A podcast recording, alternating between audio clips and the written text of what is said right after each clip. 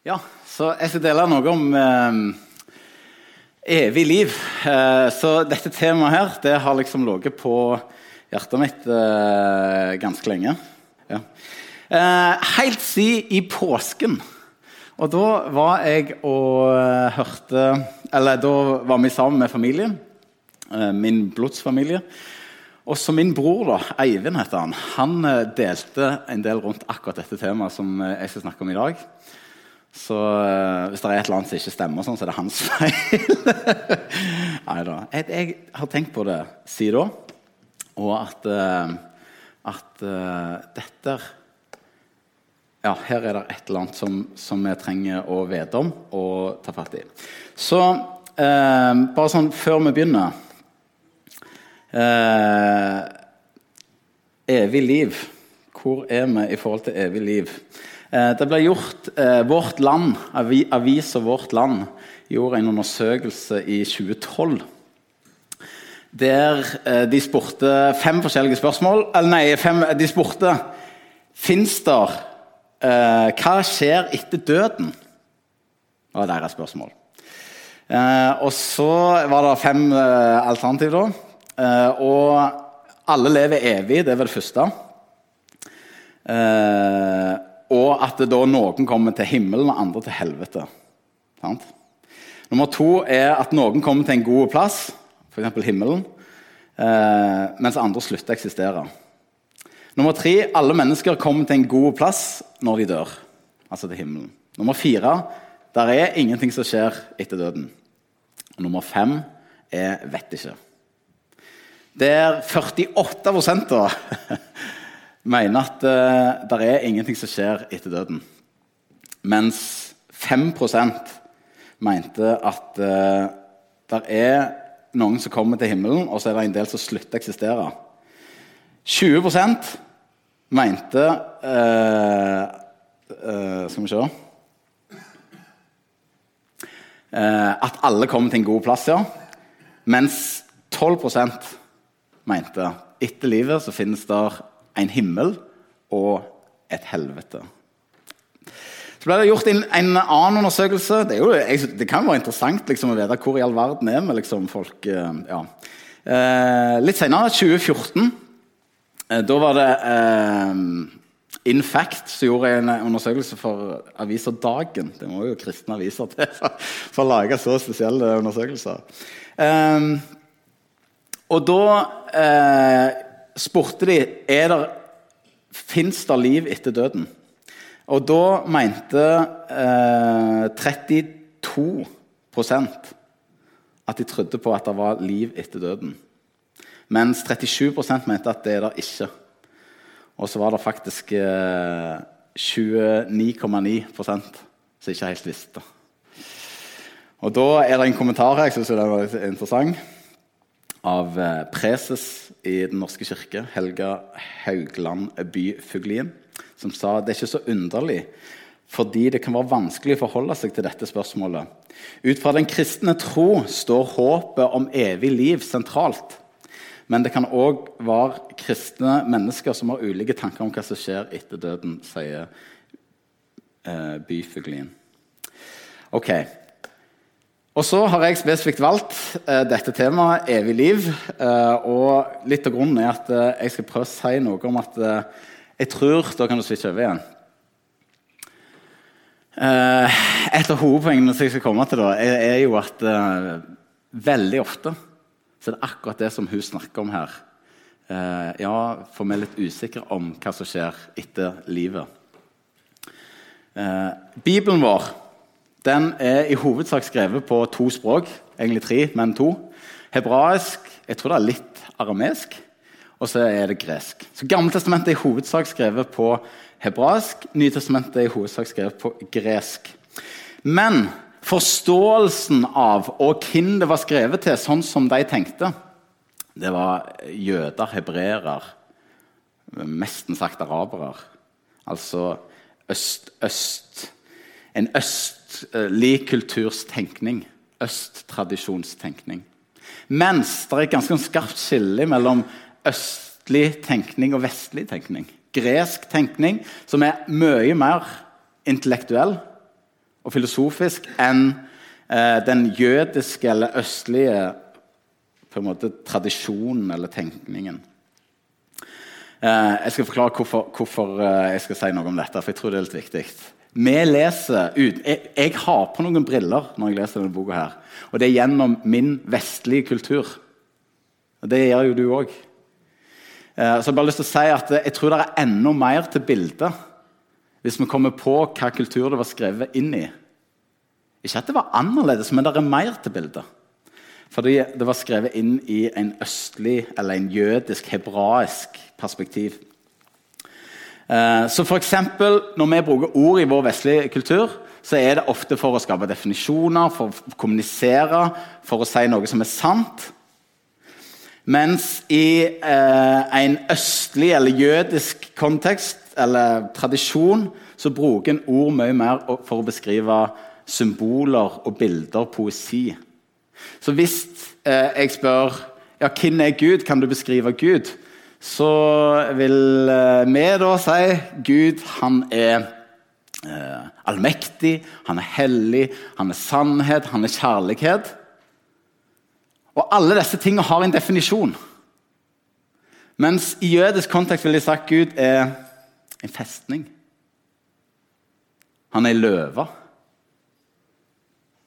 Han er ørnevinger. Altså det, det, ja, det må du jo finne Hva er det?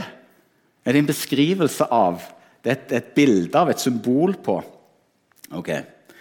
Så for eksempel, til og med på tall, da, som er egentlig vi er jo sånn Tall må jo være tall. det er liksom sant? Fem pluss to er sju så vil faktisk i en jødisk kontekst hvis de hører fem pluss to er sju, så vil de tenke de fem Mosebøkene pluss de to steintallene er lik de sju skapelsesdagene. Fordi alle tall har en betydning, eller knyttes opp mot noe. Og dette bare for å si det da, er det jo mange av oss vestlige som har dratt i en sånn der konspirasjon, eh, konspirasjonsgrøft liksom, og skal finne tall og koder og algoritmer uh, overalt. Det var ikke poenget. Poenget er at det er, er annerledes måter å lese og se ting på. Ok, Så eh, Evig liv i en vestlig kontekst, i vår kontekst, den er ganske løsreven ifra dette livet. Det er noe som starter når dette livet er over. Og det handler om det som skjer etter døden. Og det hørte du jo bare på denne undersøkelsen òg. Mens i, og, og, uh, i en østlig jødisk forståelse, når de sa 'evig liv er du, du, du, så snakker de ikke om kvantiteten, men om kvaliteten. Hva mener jeg med det? det er sånn vanskelig ord. Kvaliteten handler om egenskapene, eller hvordan det er, mens kvantiteten handler om hvordan det ser ut. Forstår dere? Det er rundt. Så Den vanligste måten jeg har hørt om det evige liv, er f.eks. hvor langt det er. Jeg har tenkt sånne, Ja, du vet, hvis det kommer en fugl og sliper nebbet sitt hvert år på Himalaya Når Himalaya er nedslipt, så har det gått en halvtime i evigheten, liksom. ok, Det er helt umulig å forstå. Men en prøver liksom å gi noen begreper om lengden, om på en måte størrelsen kvantiteten. Fordi vi alltid tenker sånn. Blir det gater av gull der? Hvordan blir det? liksom? Det er enormt. Mens når det står 'evig liv' i østlig jødisk kontekst Det betyr jo ikke at, er, at det ikke handler om det som skjer etter livet òg. Men det er helt tydelig det, han, prøver, han prøver å beskrive kvaliteten. Eh, ikke hvor det er, eller hvor lenge det er, eller osv. Eh, og at det begynner nå. Det evige livet er nå. Det er ikke noe som kommer én gang. Eh, og ideen om det ja, Jeg skal, jeg skal for så vidt gå mange ting vi har lyst til å gå veldig inn på. Men kvaliteten som Bibelen beskriver rundt det evige liv, handler jo om noen ting. Det handler om harmoni, det handler om fred, det handler om gjenoppretta relasjon. Det greske ordet olam Allah, olam Allah som er liksom det greske ordet for evig liv, eh, er et, et, ord, et kvalitativt ord Dette er et sånt jeg ikke jeg forstår hva jeg prøver å si nå. Jeg gjør det altså. Men uh, altså, det er et ord som beskriver kvalitet. Det er ikke et ord som beskriver kvantitet eller størrelsen på noe.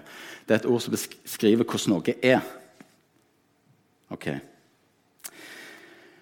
Uh, så evig liv det er på en måte en måte å leve livet på. Det er en type liv. Er dere med på den? Og det har begynt nå. Ja.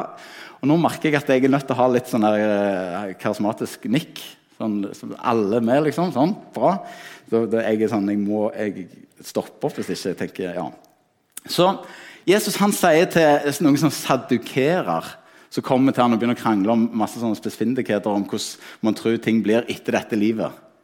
Og hvem som skulle gifte seg med hvem, og det var masse greier. Der Jesus prøver å si Hør!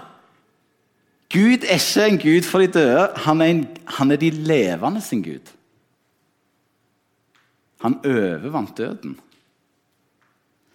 Um, der vi av og til tror at Gud kobles inn når døden inntreffer. Nei, nei, nei. nei. Han er jo livet med stor L. Han har skapt livet. Han er de levendes Gud, han er livets Gud. Og han har det evige liv, og det begynner nå. Ok. Altså bare, eh, dette er kanskje et av de beste, best beskrivende versene. Jesus har siste samtalen med, med disiplene sine eh, før han skal korsfestes. Johannes 17. Uh, eh, og så sier, står det sånn som dette. Når Jesus hadde sagt dette, luftet han blikket mot himmelen, og så sa han, Far, timen er kommet. Herliggjør din sønn, så sønnen kan herliggjøre deg. For du har gitt han makt over alle mennesker for at han skal gi evig liv til alle som du har gitt han. Og dette er det evige liv. At de kjenner deg, den eneste sanne Gud, og Han du har sendt, Jesus Kristus. Og Så kommer det ei lang lekse i resten av kapittel 17. Det er ei lang bønn som Jesus ber. Han ber f.eks. For, for meg og deg. faktisk. Men det som går igjen da, i hele kapittel 17, dere får studere dette selv, det er sånn her Bli i meg. Sånn som, jeg ber om at de skal bli ett, sånn som vi er ett. At jeg blir i deg, du blir i meg, de blir i oss, osv. Han bare beskriver sånn type sånn fellesskap. Full fred, full harmoni. Og jeg tror det handler om det evige liv. Han, og han sier ja, det skjer skal, uh, Dette her jeg, det kommer til å bli knallbra. jeg skal prøve å beskrive hvordan det evige liv ser ut. Så, I Johannes 10 så står det sånn som dette i vers 27.: Mine sauer hører min stemme. Jeg kjenner de, og de følger meg. Jeg gir de evig liv. De skal aldri i evighet gå tapt, og ingen skal rive de ut av min hånd. Jesus vil gi oss dette evige livet. Og igjen, det handler ikke om det som skjer etter døden. Det er et type liv. Helt spesielt liv. En helt ny måte å leve på. Og det handler om står rett før her. Det, om, det, skjer når vi kjenner Gud. Det handler om å kjenne Gud.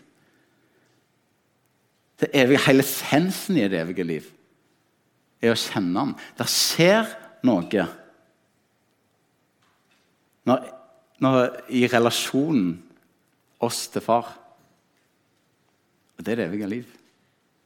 Det er et helt magisk liv. Og det er av og til jeg har lurt på sånn, Man har nesten brukt det der evige livet til liksom, på en måte nesten slags skremme folk. Så tenker jeg sånn, vet du hva? Det er noe av det mest forlokkende du kan ha. Ikke hvis du tenker på liksom, hvis det bare var det som var etter døden.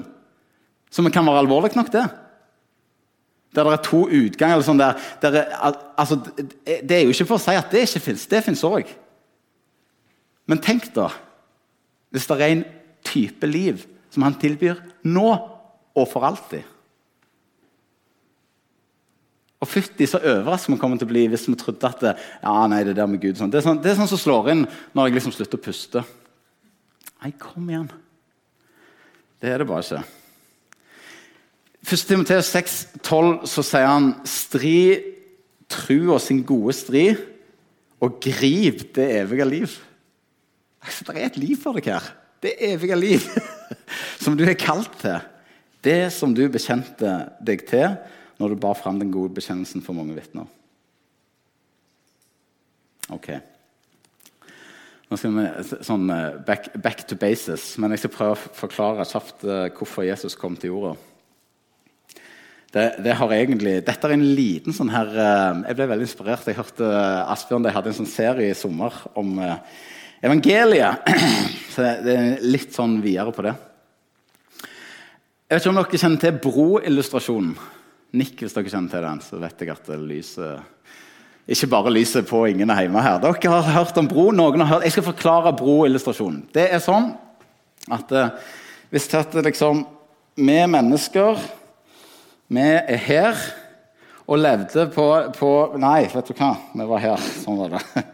sånn, sammen, med, her er menneskene, og så er Gud her. sant? Så levde vi i full harmoni, full fred. Alt var bare fryd og gammen. Så kom syndefallet og skilte mennesket fra Gud. Oi, jeg mener ikke lenger sånn. sånn.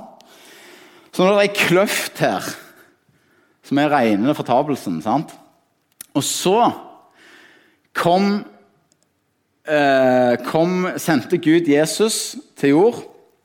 Nå skulle vi jo, Jeg kan ikke hooke ned det korset, men jeg skulle jo gjort det. da. Så dere får dere at jeg hooker ned det korset, så legger jeg det over her, sånn at det, liksom, tverrbjelken går over sånn. Ei bru ifra Gud til menneske. Ok? Ja. Så det handler om at Gud sendte Jesus eh, til jord, sånn at når vi skulle dø, så skulle vi ikke komme til himmelen, men, nei, så skulle vi komme til himmelen, ikke til helvete. Eh, evig liv i stedet for evig død. Eh, Johannes 3, 16, den lille Bibel der òg står det evige liv. Der står det For så høyt har Gud elska verden, at han ga sin sønn, den eneste, for at hver den som tror på han, ikke skulle gå fortapt, men ha evig liv. Um,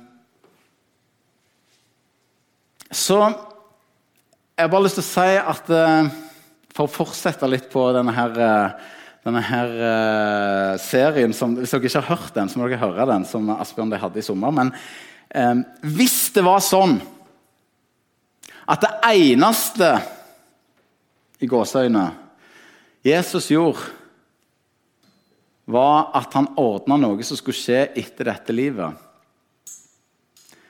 Det er nesten sånn da at som en, som en, som jeg kjenner godt, sa til meg Hadde ikke, visst, hadde ikke, hadde ikke vært for at jeg visste om at det er to utganger etter dette livet, så hadde jeg ikke brydd meg så mye om Jesus.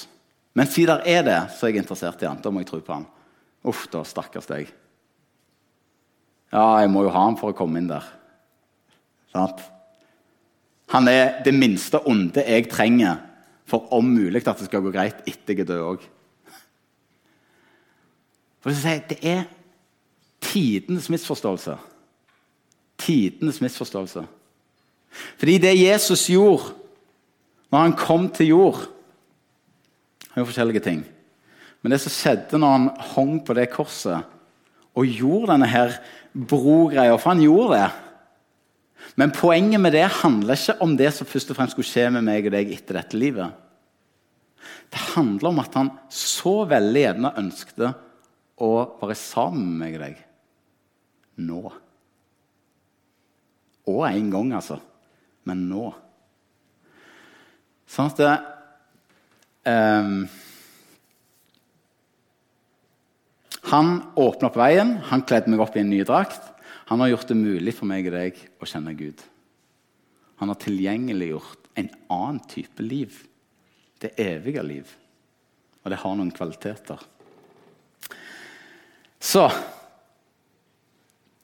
han ville gjenopprette relasjonen med meg og deg, med oss, sånn at vi skulle få lov å leve med han. Sånn at han skulle kunne tilfredsstille alt i oss. At vi skulle ha nok med Han. Um, jeg skal prøve å forklare. At vi skulle kjenne Han. Um, jeg og du som, som mennesker vi består av uh, mange forskjellige ting. Eller ikke mange forskjellige ting, vi består av tre ting. vi består av ånd, sjel og kropp. Um, og bare så lyst til å si sånn, Det er veldig guddommelig, alt det. Um, så vi er skapt med, disse, med ånd, sjel og kropp. Uh, jeg skal prøve å komme litt tilbake til det, men det er, er, en haug med ting jeg og du gjør fordi at vi har en del behov i oss. Så vil jeg si det evige liv var meint for bare sånn det aller, aller, aller beste for både ånd, sjel og kropp. Så Guds, Guds drøm for oss, det var at vi skulle ha fred. At vi skulle ha harmoni med Han. Sånn som det var i hagen, liksom, der du bare liksom var med Gud.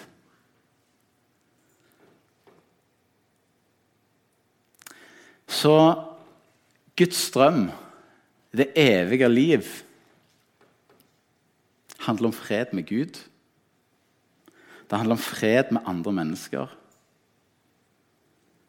Det handler om fred med meg sjøl, at du har fred med deg sjøl.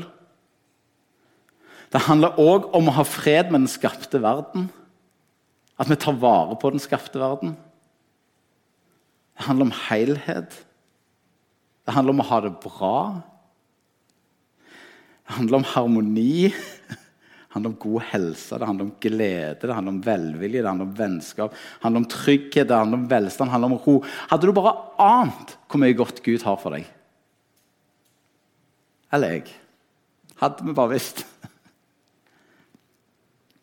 Så det er et eller annet som skjer i syndefallet. Jeg har bare lyst til å si liksom, det motstykket til drømmen til Gud for oss som, som fienden på en måte klarte å, å, å, grise til.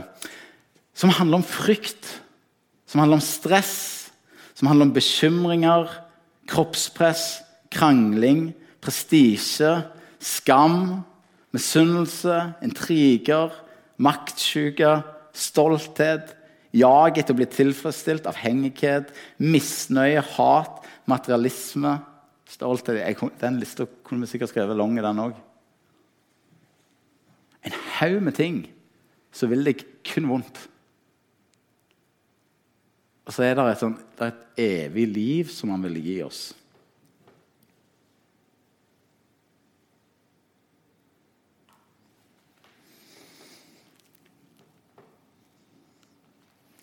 Ok. Dette her er sånn dette er så bra. Hør hva det står i Kolosserne 1, 19. Skal jeg lese her.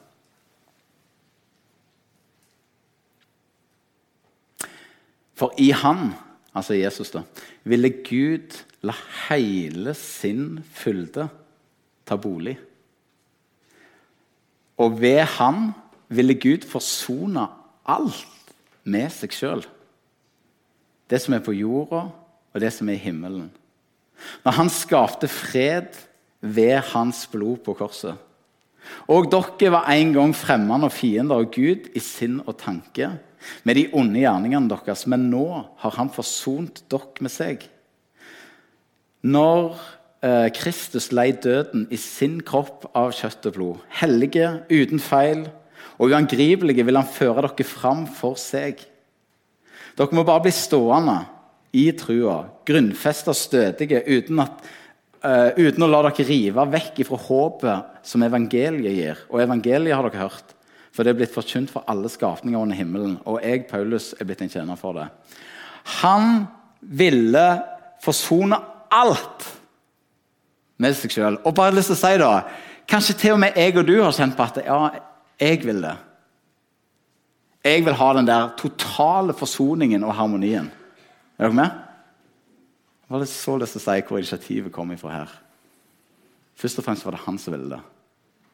Og han ville forsone alt i oss gjennom Jesus. Det er bare digert. Så alt dette er tilgjengelig. Hele denne harmonien, freden osv. osv.